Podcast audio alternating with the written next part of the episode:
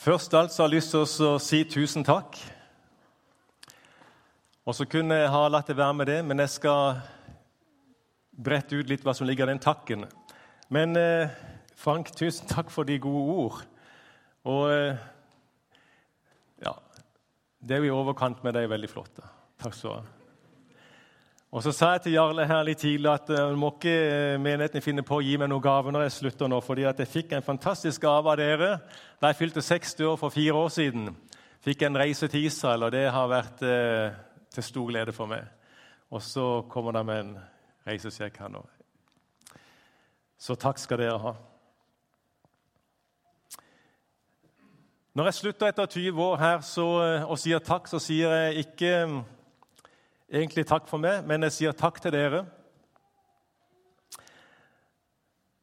Noen av dere har eh, kjent i 20 år, eller vi har vært sammen nå i 20 år, og andre har kommet hit etter hvert, og så har jeg fått bli kjent med dere også. og Det har vært eh, veldig flott, kjenner jeg, å bli kjent med dere alle sammen. Og For eh, Astrid og meg så har det vært eh, 20 gode år å få være her i Randesund misjonsmenighet. Det har vært en god menighet for meg å være pastor i. Det har vært godt, et godt sted å være ansatt. Og Grunnen til det er at dere har vært gode imot meg. Punktum. Det betyr ikke at vi ikke har hatt utfordringer underveis, men utfordringer er en del av livet. Enten det er menighet, privat, jobb, uansett så er det sånn. Men jeg opplever at vi har beveget oss fra godt til bedre i alle disse år og det er takket være dere. Dere har bygd videre på det som har vært før, og tatt det til nye høyder, tatt nye steg, og så har vi fått være i en sånn prosess. Og sånn skal det fortsette. Bygge, løfte og ta det videre og utvikle det som har vært. Og Denne menigheten har hatt mange trofaste medarbeidere og har det fremdeles. Og tusen takk til dere. Det er blitt lagt ned så mange tusen arbeidstimer i denne kirka her. Fra de praktiske ting. Det som har med bygg å gjøre, med vasking av mopper, med kjøkkentjeneste, tekniske tjenester, lederoppgaver, medlederoppgaver innenfor ulike virkegreiner osv. Alt dette er helt nødvendig for at mennesker som, kom, som, kommer her til kirka, skal få oppleve at det er et godt sted å være, ting fungerer osv. osv. Der skjønner hva jeg mener. Og Det som kommer ut i den andre enden av den kverna, det som det resulterer i, det er at vi sammen kan gjøre Jesus kjent. Og Da må alle disse ting fungere. Det er ikke noe enmannsforetak. Det er noe som vi alle sammen står bak. Så på Alfa er det noen som er på kjøkkenet og jobber vettet av seg i timevis og svetter, og så er det noen som står og underviser. Men produktet er det at mennesker får møte Jesus. Og Sånn er det med oss alle sammen. Og det syns jeg er så flott.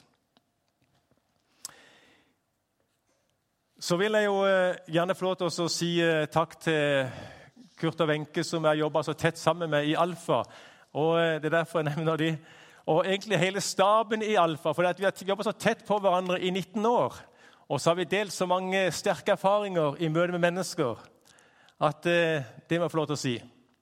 Og hele den staben som vi har hatt med oss der i alle disse årene, det har vært, eh, det har vært en, et veistykke i livet som jeg vil huske med glede.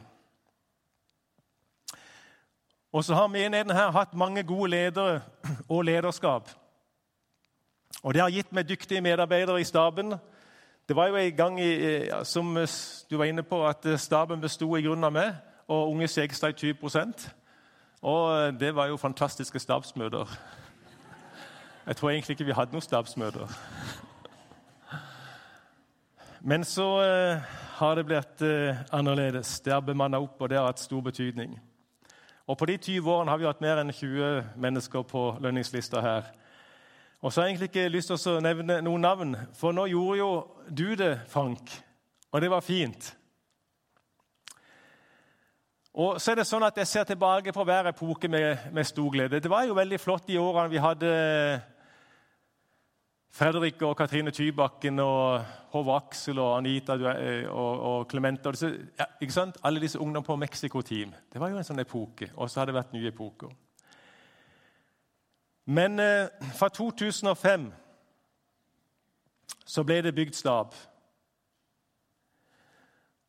Og Det skal lederskapet og menighetene ha stor takk for. Og Da må jeg nevne noen navn. Colin kunne ikke være her i dag, men han har det kuleste navnet jeg vet. Colin Edvard Wallace Atkinson. Ja, hør på den klangen. Jeg heter Andreassen.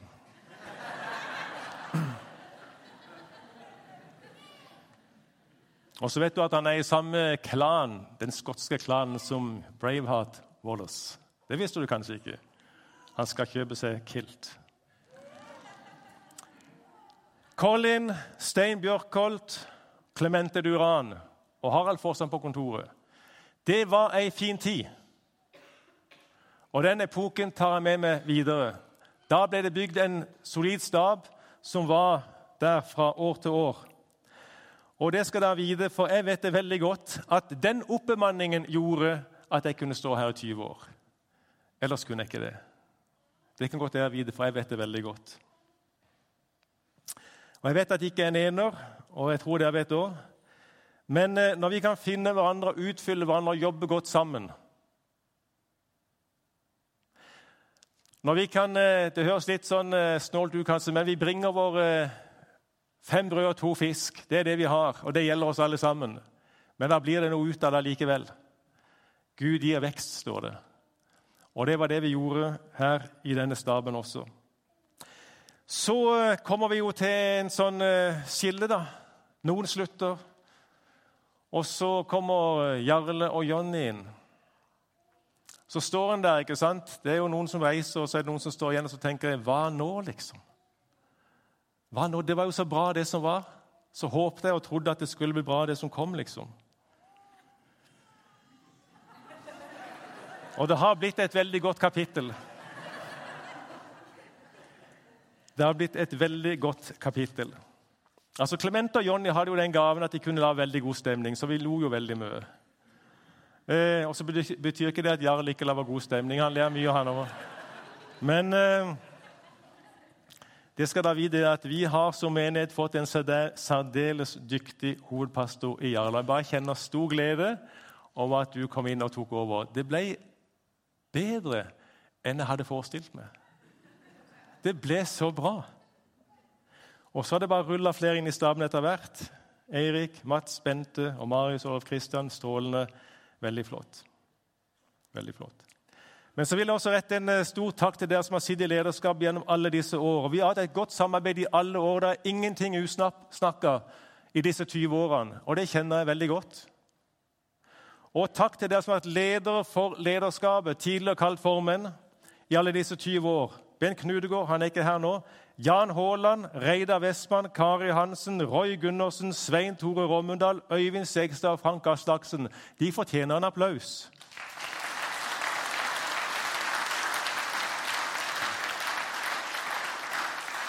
Og de har, de har vært det som eh, populært kalles fremoverlent. Ikke sant? Og De tørte å manne opp, og de så dette. Og de har alltid, de har alltid møtt meg med velvilje, og med tålmodighet og forståelse, og det har skapt stor trivsel.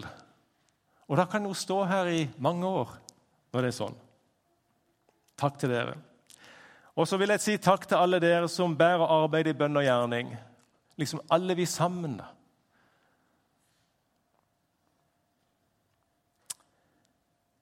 Vi gjør ikke noe alene, vi gjør det sammen.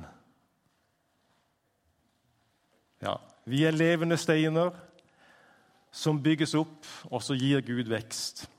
Så når jeg slutter nå etter 20 år, så slutter jeg med stor takknemlighet. Tusen takk skal dere ha. Nå skal jeg egentlig preke. Det er sceneskifte. La oss samle sinn og tanke i bønn. Herre Jesus Kristus, vi takker deg for din godhet. Og vi takker deg for at du har vært en bolig for oss, og du er en bolig for oss, Herre. Og så ber vi om at du nå også skal la ditt ord og ditt evangelium, Herre, nå inn i våre liv og i våre hjerter, Herre, og berør oss fortsatt i denne gudstjenesten, Herre. Det ber vi om. Og når vi går herfra også, så holder du ettermøtet med oss i tanke, sinn og hjerte. Amen. Jeg må ha en slurk med vann. Det er alltid så nifst å drikke når han er der, for jeg lurer på om han putter den nedi, liksom. Jeg forestiller meg at ikke det blir en suksess. Vi har en serie som heter Mitt livsvers. Og så er det sånn at Når vi har levd noen år, så er det jo mange vers i Bibelen og mange sannheter i Bibelen som har hatt og har stor betydning. Så det å ta ett vers det er ikke alltid så enkelt. Men det er et bibelvers, det er faktisk to, for de henger sammen, som har hatt en avgjørende betydning for mitt livs retning helt fra jeg ble en kristen i 1973. Og det skal jeg stanse med. Romerne 1,16. For jeg skammer meg ikke over evangeliet. Det er en Guds kraft til frelse for hver den som tror jøde først, og så greker. Evangeliet er en Guds kraft til frelse. Og Helt fra første stund jeg ble en kristen, så ble evangeliets viktighet en kurs for mitt liv. Det satte bare en kurs for livet mitt. Det ga livet mitt en retning. Det ga livet mitt et fundament jeg kunne leve på. Det fylte livet mitt med mening, med mål, med glede, med innhold osv. Og, og det gjør det fortsatt. Og det vil gjøre det så lenge jeg lever, for sånn er det. Så kunne jeg nevnt eh, flere ting underveis, for i løpet av 40 år Vi er den vi er fra vi er unge til vi er eldre, men så utvikler vi oss, og så vokser vi oss og ser det ting underveis. Så jeg kunne nevnt mange ting, mange episoder der kraften i evangeliet har gjort underverker. Men jeg skal stoppe med noen ting som går helt tilbake fra den første tid for meg som kristen. Mitt livsvers. Og Det er fordi at det fikk en sånn grunnleggende betydning som har vært der hele tida, styrt livet mitt. Og det er jeg glad for. Og Så ligger du litt sånn i kortene da, når det er mitt livssats, at, at vi skal dele litt og være litt personlig. Sånn at dette blir mer et vitnesbyrd enn det blir en preken. Er det ok? Hadde jeg sagt noe, så hadde jeg vitna likevel.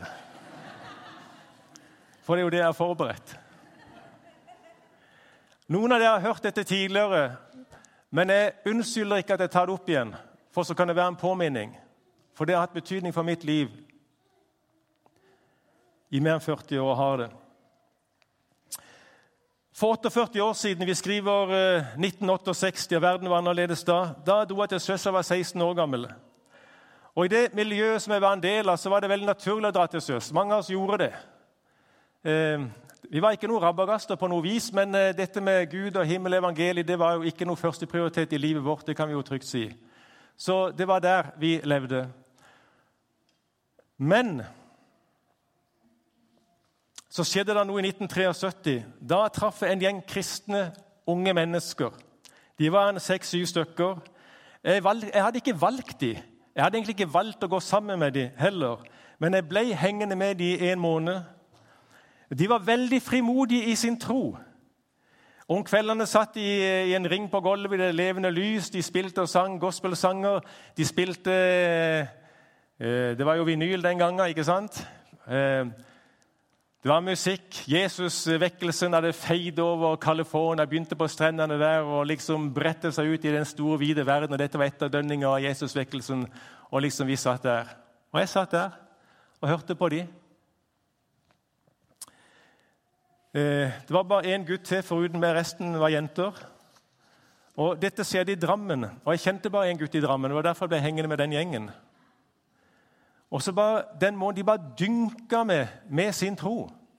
Og de dynka med sin ekte, frimodige, livsglade Jesus-tro. Og når jeg en måned etterpå dro tilbake til Kristiansand, da kjente jeg at jeg hadde begynt å få sansen for det de sto for. Så den togreisen fra Drammen til Kristiansand den husker jeg veldig godt. Jeg svetta hele togreisen. Det tok over fem timer den gangen. Drakk den der vonde kaffen på toget du var sur mage vet du, før du kommer til Juksebø, eller hva det heter. Og så du kan det der, hva? Og så kjente jeg at Gud kalte på meg. Du som har kjent at Gud kaller på deg, du vet hva det er. Og jeg visste det at jeg var nødt til å ta et standpunkt. Jeg var nødt til å ta et ja eller nei til Gud. Jeg var nødt til å si et ja eller nei til, til Jesus, til Nytestamentets Jesus. Akkurat som Pontius Pilatus fikk Jesus midt i fanget, så måtte han ta et standpunkt. Hva skal han gjøre med Jesus? Det er jo det alle mennesker må Hva skal vi gjøre med han, liksom? Så det visste at det der må jeg finne ut av. Jeg hadde kommet inn på Maskinistskolen i Kristiansand, jeg kunne ta den, men da kjente jeg det at eh, da forsvinner liksom mye av det som jeg kjenner på nå. og Jeg ønska ikke det. Og så tenkte jeg at jeg får sette dette med yrkesvalg alt jeg får sette på vent. Jeg må finne ut av dette, jeg må kjøpe meg noe tid. Så når jeg kom til Kristiansand, så ringte jeg til Sjøforsvarskommandoen. For jeg hadde også en innkalling til militærtjeneste i Marinen. Og ja, jeg kunne komme innom en måned i Stavanger. En måned, fantastisk. Jeg dro rett til byen og kjøpte på Narvesen kiosk i Markensgata denne boka her. Det nye testamentet, kjempefakkel. 22 kroner og 50 øre. 1973. Og Da hadde jeg mitt livs retreat. Jeg dro hjem, jeg bare spiste og sov og trakk litt frisk luft. Og så leste jeg dette Nytestamentet her den måneden. Jeg tygde det, og det fikk veldig fort eselører, så jeg klipte de av. Men det ble i grunnen ikke noe finere av den grunn. Men jeg, jeg, spiste det jeg leste, og jeg, kjente, jeg hadde bestemt for at jeg skal lese denne boka her med et åpent sinn. Og liksom bare lukke det inn i livet mitt og tygge det. Og jeg gjorde det. Og så i løpet av den måneden der så bare landa troen i livet.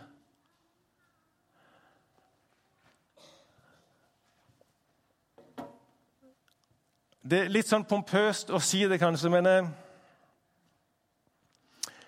jeg liksom bare omfavna evangeliet. Og så omfavna evangeliet med, og så landa troen i livet.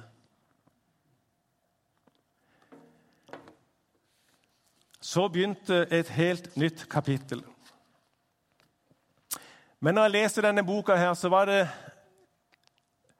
det var kraften i evangeliet her som bare dro meg til Kristus og skapte en tro. Det var bare denne boka med. Det var ingen predikanter, ingen pastor, det var ingen eh, musikk underveis, liksom sånn i ettermøtemusikk osv. Jeg kjente ingen kristne jeg kunne relatere til, så jeg satt nå bare på Hammersand og leste denne her. Og så kjente jeg det at når jeg åpna den, så prekte jeg den rett inn i livet mitt. Og så kjente jeg det at når jeg åpna den boka der, da var Jesus i boka. Sånn kjente jeg det. Og så ble jeg frelst. Det er det ordet Jesus og Det nye testamentet bruker på det. Jeg syns det var et rart ord. På Flekkerøya kaller de for å bli sløyd og rensa. Men der begynte altså min vandring med, med Jesus, mitt liv med Gud. Jeg, og så kjente jeg det at jeg ble så hoppende glad. Liksom Det gamle var over, noe nytt var blitt til. Og jeg dro i militæret, og jeg var glad hele det året. Veldig glad, rett og slett. Og det har vært glad siden, egentlig. Jeg er litt deprimert innimellom. Men det er ikke pga. dette. Men jeg kjente jo det at eh, evangeliet var blitt min store kjærlighet. Det nye testamentet var blitt min kjærlighet. Det var blitt min venn i livet. Og så eh,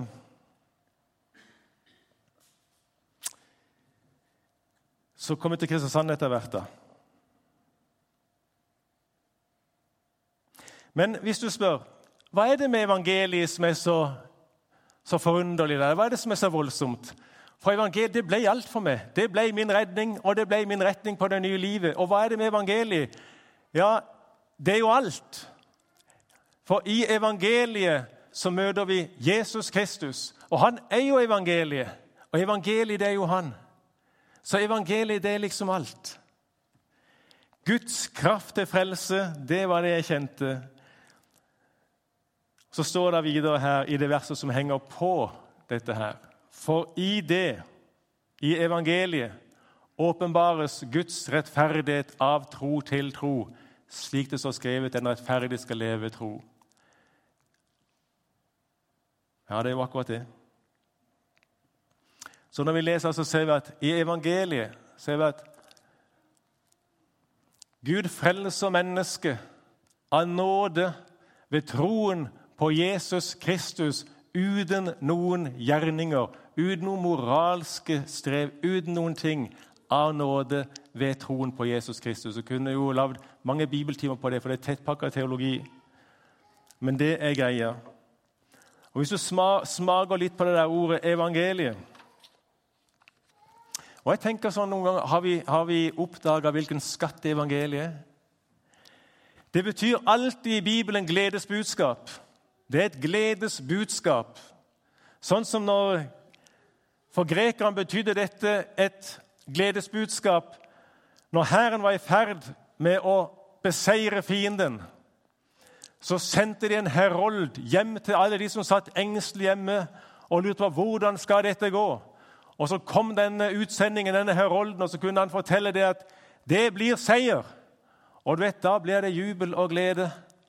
Tenk om han hadde kommet og sagt at 'flykt for livet, fienden kommer'. Det hadde vært noe helt annet. Men seier, liksom. da bare liksom, Nå har vi fremtiden, har vi håp. Tenk på Oslo i mai 1945, liksom. Seiersbudskapet. Fri, fremtid, alt dette. Jubel, glede, fryd. Det ligger alltid i dette som har med evangeliet å gjøre. Men det er ikke vi som vinner seier, det er Guds seier over alle krefter og åndsmakter og fiender som holder oss mennesker nede og holder oss borte fra Gud. Det er den seieren. Og Evangeliet er altså seiersbudskapet om at noe har hendt. Og det som har hendt, det er Jesus Kristus. Ordet ble menneske og tok bolig blant oss, og vi så hans herlighet, hans soningsdød og hans oppstandelse. Det har hendt, og det er evangeliet, og det er vår seier, og det er seiersbudskapet. Og det kjente jeg der i 73, når jeg leste denne boka her. Kjente at det der bare forandra livet mitt. Evangeliet er Guds kraft til frelse.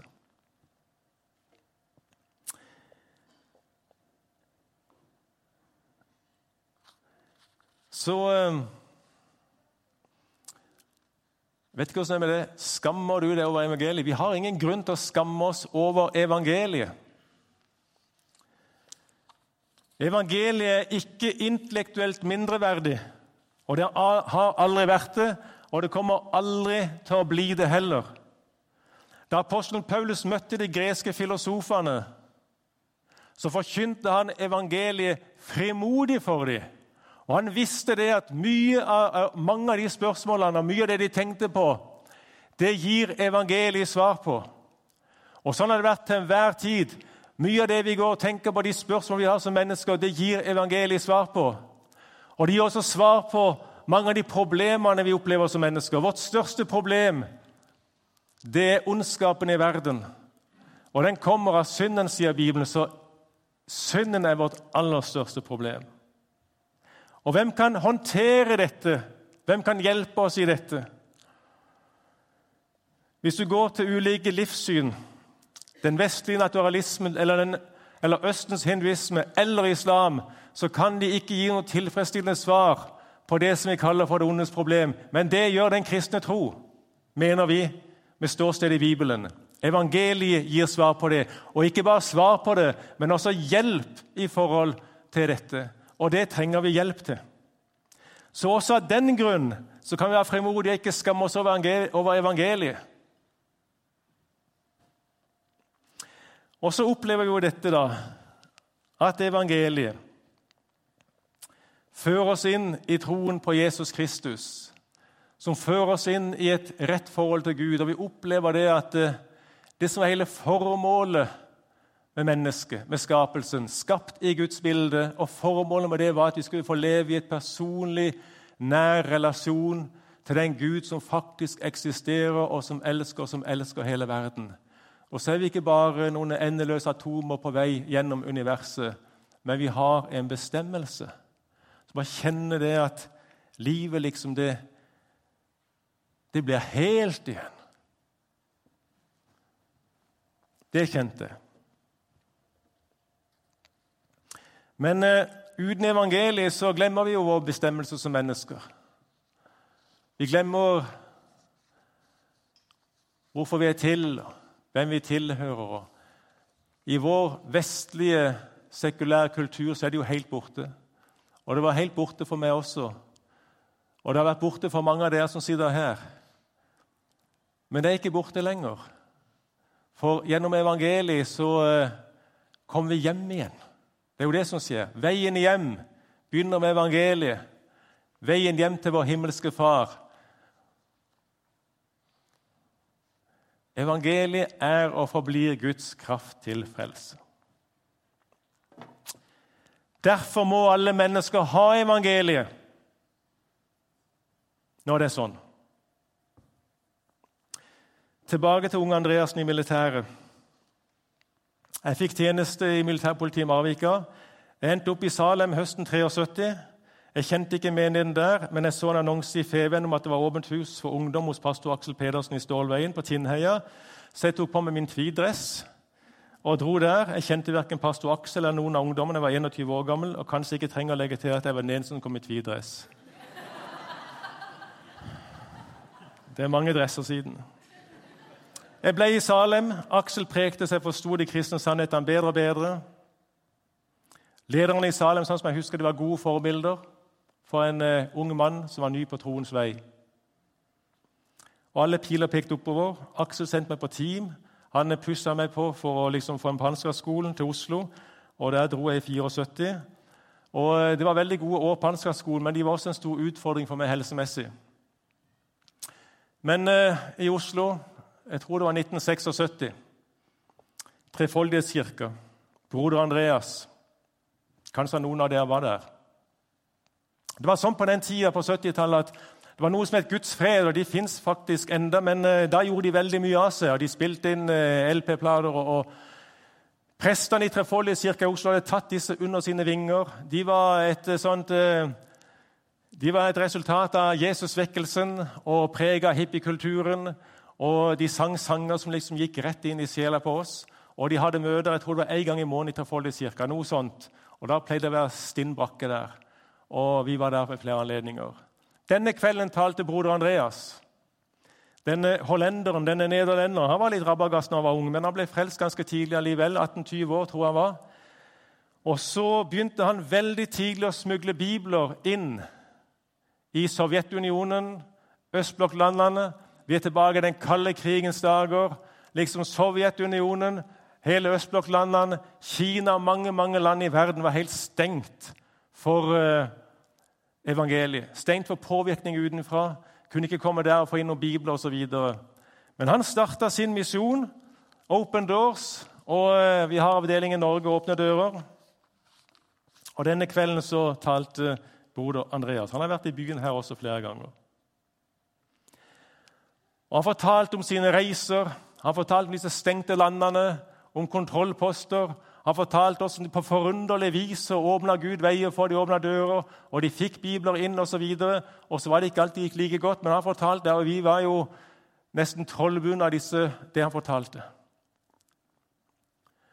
Og så underveis så sier han det Om det å kunne ta med seg bibler inn i disse landene, så sier han Han ser utover oss. Dere kan komme inn i alle land i verden.